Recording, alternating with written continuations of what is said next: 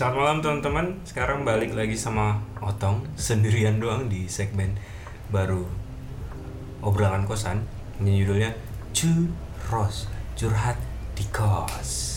Sekarang gua bareng sama teman gua yang pingin mungkin ya melampiaskan unek-uneknya gitu, memberikan kita banyak eh, pembelajaran ya, yang ibaratnya kita lihat eh, permasalahan-permasalahan ini sebagai bentuk pembelajaran untuk kita semua gitu mungkin sosok di sebelah saya ini bisa menjelaskan kepribadiannya. Oke, nama saya Karunia Saputra Hidayat.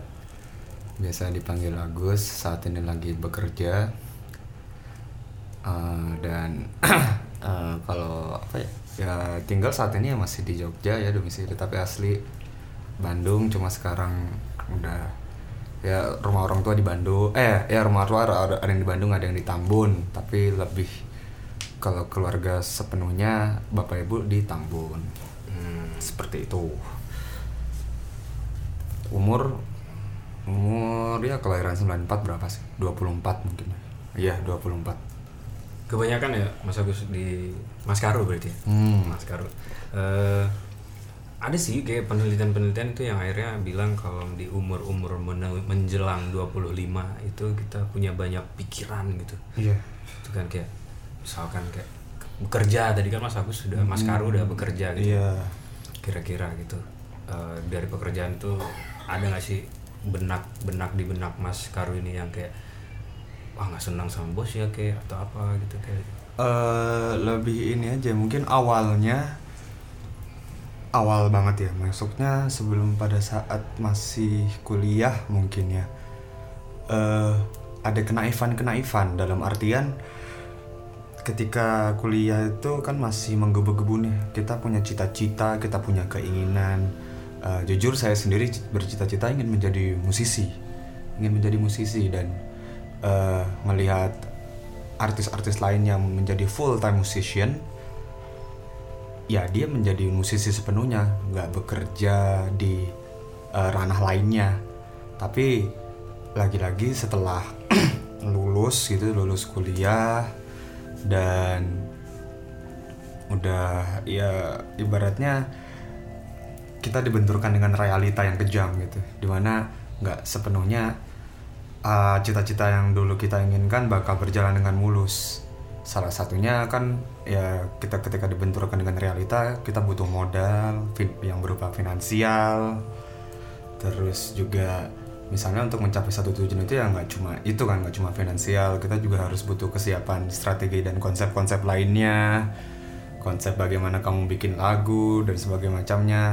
Tapi jujur yang pertama kak yang paling urgen itu yang paling eh, menghambat saya itu ya finansial. Karena saya juga dari orang tua udah nggak eh, udah dipotong lah maksudnya eh, uang dari orang tua nggak nggak sebanyak pada saat kuliah gitu. Jadi ya benar-benar saya mandiri gitu. Ya beli sabun sampo sekarang pun juga pakai uang sendiri seperti itu. Orang orang tua paling masih ngasih uang buat makan. Seperti itu. Jadi ya bekerja menurutku ya eh, saya jadikan misi dalam mencapai visi saya yaitu menjadi musisi. Oh berarti Mas Agus bukan musisi sekarang ya pekerjaan bukan. Saya eh, ini PL PLK pekerja lepas komersial. Oh. Eh, eh, jadi ya kerja di salah satu kafe di Jogja ini. Dan juga saya juga kerja menjadi content writer di adalah salah satu agensi. Seperti itu. Baik baik baik baik Mm-mm. baik baik begitu. Kira-kira apa yang menghambat Mas Agus sih buat jadi musisi? Jadi kalau ngobrolin tentang cita-cita yang terbentur tuh sebenarnya kan ada ekspektasi dan harapan yang tidak sesuai dengan apa yang sejalan gitu kan. Iya. Nah ini yang salah satunya pengen saya ungkit gitu. Eh, eh, ya udah ngomong ya ini se- sebenarnya keresahan utama saya adalah bagaimana eh, ketika keinginan saya sebagai anak berbeda dengan keinginan orang tua gitu. Jatuhnya kan eh, ada eh, sesuatu hal yang ber- bertabrakan gitu ya, nggak nggak seirama seperti itu gitu loh. Jadi menurut saya itu sangat terasa gimana kan ya seperti yang kita tahu kan apa pun yang kita lakukan kalau nggak ada restu dari orang tua bakal ntar akhirnya eh, entah akhirnya gagal atau akhirnya nggak menyenangkan gitu. Itu kan hal-hal yang ditakutkan gitu ya. Walaupun eh, belum sepenuhnya mungkin benar belum sepenuhnya benar mungkin mungkin seperti itu. Cuma ya itu yang saya alamin secara pribadi. Eh, bahkan dari awal pengen milih jurusan pada saat kuliah pun saya memang benar-benar pengen eh, kuliah di yang benar-benar jurusannya musik gitu. Dulu tuh kalau nggak salah pengen di Jakarta di IMI gitu. Tapi orang tua ya kurang menyetujui itu karena eh, saya si eh, saya sebagai anak ya pengennya pengennya dari orang tua itu bekerja eh, pada akhirnya. Jadi eh, ya jadilah saya memilih jurusan akuntansi gitu yang di mana ya menurut orang tua itu katanya nanti setelah lulus bisa gampang cari kerja. Terus ya bisa nanti mapan lah eh, mapan finansial maksudnya seperti itu. Ya berat ya pada awalnya gitu. Jadi ya emang saya saya dulu D3 dulu baru S1 ya di Jogja ini. D3 nya dulu di Bogor Hmm, pada saat di Bogor ya kayak semacam aku menganggap kuliah akuntansi itu ya udahlah kayak ya nggak ada interest yang penuh gitu loh. Nggak sa nggak kayak saya di musik gitu. Saya di akuntansi itu ya benar-benar kayak setengah hati gitu. Jadinya ya D3 pun mungkin agak terseok-seok ya. Tapi ya alhamdulillah lulus walaupun nggak cum laude. Seperti itu. Tapi ya gimana ya maksudnya pengharapan orang tua itu pasti selalu yang terbaik sih untuk anak-anaknya Iya. kan gitu Sangat benar, sangat benar. Maka dari itu, kadang kita butuh komunikasi sebenarnya dengan orang tua. Dan saya eh, sebelum saya udah melakukan komunikasi sebenarnya ketika saya lulus S1 ini terutama ya bul- tahun tahun ini awal tahun ini saya lulus Maret tapi udah sidangnya Desember 2017 seperti itu dan udah mengkomunikasikan cita-cita gitu ya? Komunikasi lanjut udah udah. Dan itu saya dapat insight seperti itu setelah ngobrol juga sama teman-teman di Jogja ini gitu. Di Jogja ini saya benar-benar terbuka banget pikiran ketimbang saya di D3 eh, di Bogor. D3 di Bogor maksudnya. Ya D3 di Bogor ya teman-teman yang lain mungkin ya emang kebanyakan udah pengen niatnya ya bener-bener kerja di kantor gitu. Sementara saya sendiri enggak. Ya ya saya sendiri jadinya yang punya masih ada tertanam masalah gitu di dalam hati gitu. Tapi Sam- akhirnya kan memang bentuk bahagia orang tua dan bahagia anak itu bisa jadi berbeda gitu kan? Iya benar. Cuma ya itu dari adanya komunikasi kan ibaratnya kita merekonsiliasi eh, agar bisa saling mengerti antara kedua belah pihak bukannya satu pihak eh, yang mendominasi entah antara orang tua dan ataupun dari anak gitu. Kadang kan eh, banyak yang melakukan hal-hal ekstrim seperti itu ya ketika anak emang pengennya ini tapi orang tua nggak menyetujui akhirnya anak memutuskan hubungan hubungan dengan orang tua gitu. Walaupun ada beberapa yang survive dari situ ya. Tapi menurut saya ya walau bagaimanapun orang tua yang uh, membina kita yang mengurusi kita dari kecil dan sampai kita benar-benar beranjak dan bisa mandiri. Dan itu sebenarnya nggak boleh dilupain gitu pun dengan maksudnya kebaikan-kebaikan bahkan kebaikan yang eh, dari temen lah misalnya dari level level teman atau sahabat pun kita harusnya nggak nggak boleh ngelupain itu apalagi orang tua. Berarti Dan- support sistemnya teman-teman dari Mas Karo ini udah ini baik juga gitu ya untuk mensupport. Eh, ya bisa dibilang baik karena ya saya lagi-lagi mencari teman yang di mana juga eh, satu pikiran sama saya. Eh, kita mungkin hidup di mana eh, teman nggak sebanyak dulu mungkin ya. Eh, ini jadinya ke teman ya bukan ke keluarga. Eh, apa pun yang mau diluapkan. Iya, iya. Ya gitu. Makanya kan banyak orang yang bilang, waduh, kok kamu jarang ngumpul lagi, nggak bisa kayak dulu lagi. Waduh, nggak asik nih. Kok kamu apa udah sok sibuk sekarang? Ya, menurut saya pernyataan-pernyataan seperti itu kejam gitu karena ya walaupun bagaimana eh, mungkin masing-masing ya nggak cuma aku mungkin kalian atau pendengar ya punya udah tahu gitu loh ke depannya mau jadi apa dan untuk merealisasikan atau eh, menggapai itu butuh effort yang tinggi. Sehingga ya hal-hal seperti sering ngumpul seperti dulu terus bercandaan nongkrong sana sini yang mungkin udah terkurangin. Karena ya walau bagaimanapun kalian harus punya keingin apa tuj- eh, misi atau effort-effort yang jelas gitu yang bener-bener terkonsep gitu.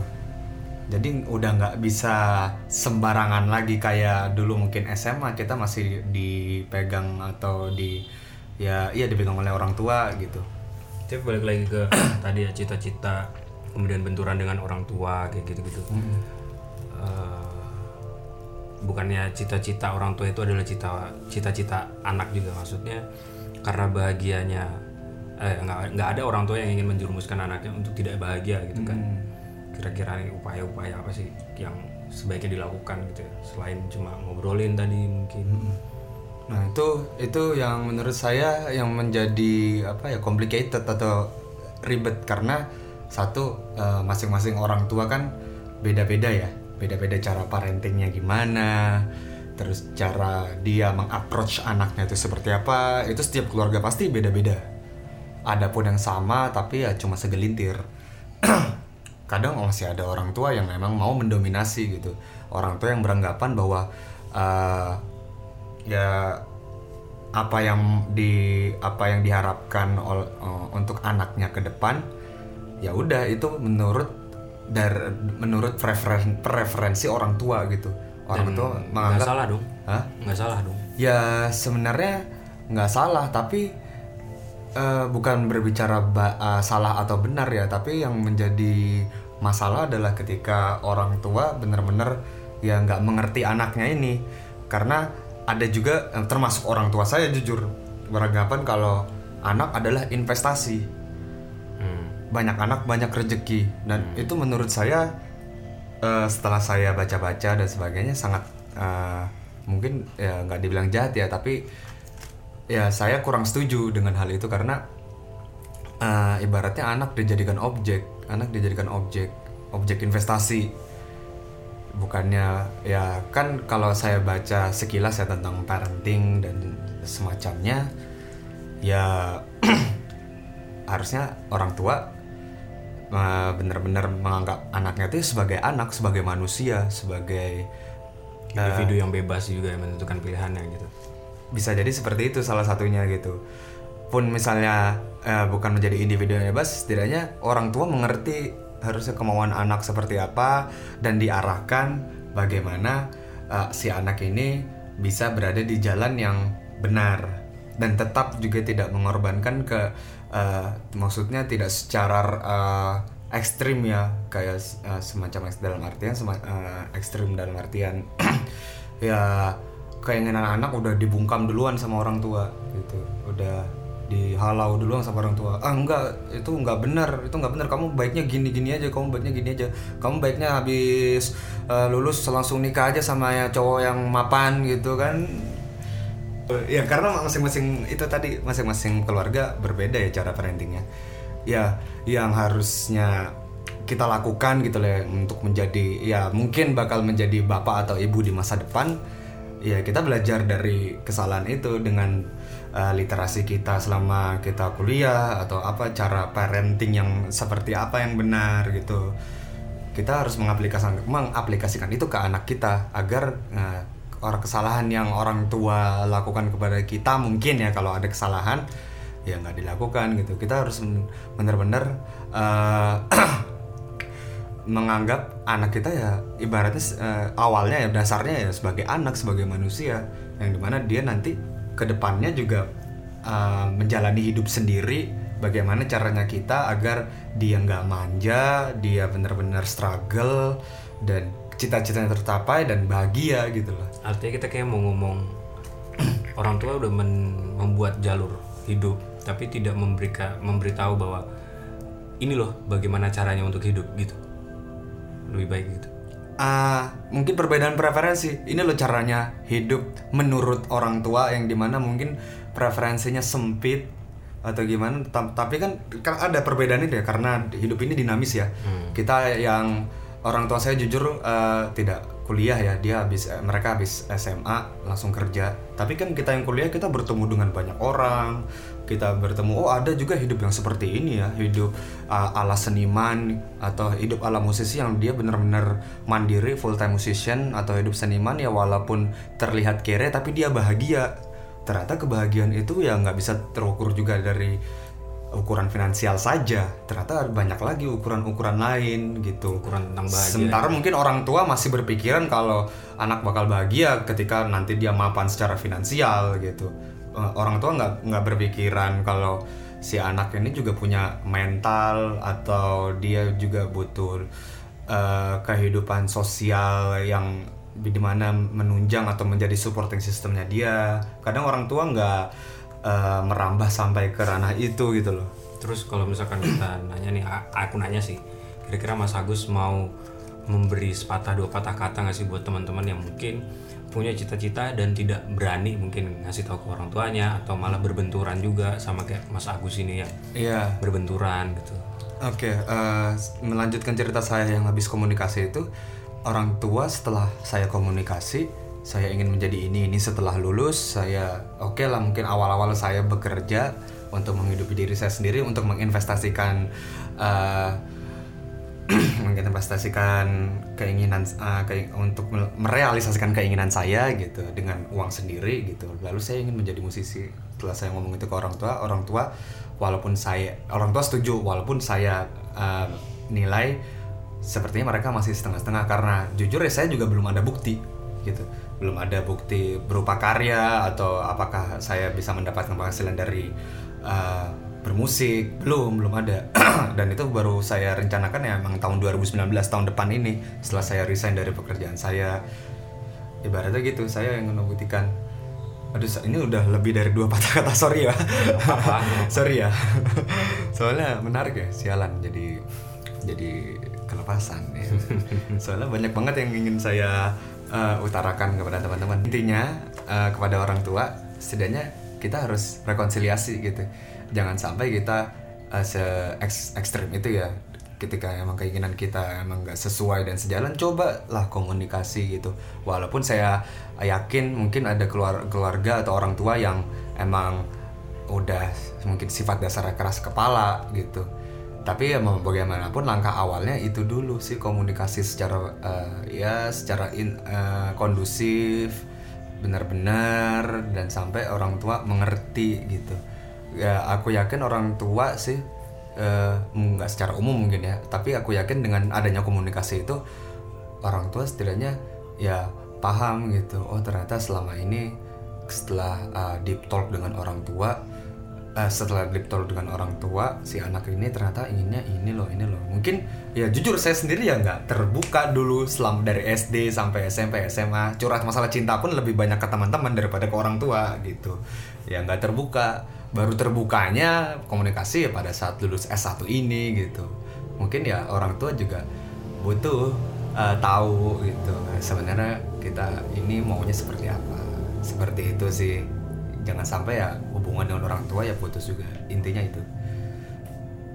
Apa yang mau disampaikan ke teman-teman adalah itu tadi ya. itu tadi ya. Walau eh, bidang apa pun itu ya. Kalau saya mungkin musisi mungkin teman-teman nanti mau jadi desainer atau mau jadi model atau mau jadi penulis.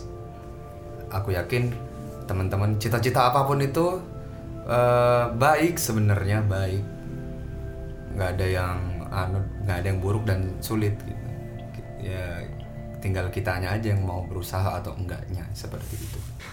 Baik, baik untuk menutup apa yang sudah disampaikan oleh Mas Karunia Saputra Hidayat. Enggak. Mungkin saya cuma bisa me- merangkum semuanya ke dalam beberapa bait gitu ya. Seperti ia datang sendiri, pemuda dengan seribu mimpi, membawa kisah dari barat tentang gedung tinggi dan pakaian seksi. Coba memberi asa pada mereka yang hidup secukupnya, dan sepertinya ia lupa sama saja mati jika mencoba berbeda. Makasih banget teman-teman yang udah misalkan ya ngedengarkan eh, setiap ap- episode dari obrolan kosan dan juga mendengarin eh, segmen baru dari obrolan kosan ini. Terus eh, terima kasih banget yang udah memberikan feedback-feedback positif dengan posting-posting di Instagram, kemudian mungkin posting-posting di tempat lainnya gitu kan. Terima kasih untuk semangat baik yang sudah disebarluaskan dan Eh, mungkin kalau teman-teman punya feedback, kritik dan saran itu kami sangat-sangat terbuka dan kami sangat-sangat membutuhkan banyak ide dari teman-teman gitu. Dan kalau misalkan memang teman-teman domisili sedang ada di Jogja atau mungkin ingin bergabung dengan ibaratnya ya ngobrol-ngobrol bareng kita di kosan, bisa aja langsung DM kita di Instagram di obrolan kosan. Terus atau mungkin bisa aja langsung komen-komen di setiap postingan kami di Instagram gitu kan. Atau mungkin bisa langsung datang ke kosan langsung aja kita sewa lapangan futsal dulu sejam main terus Oke. kita bikin podcast deh ya kan Siap.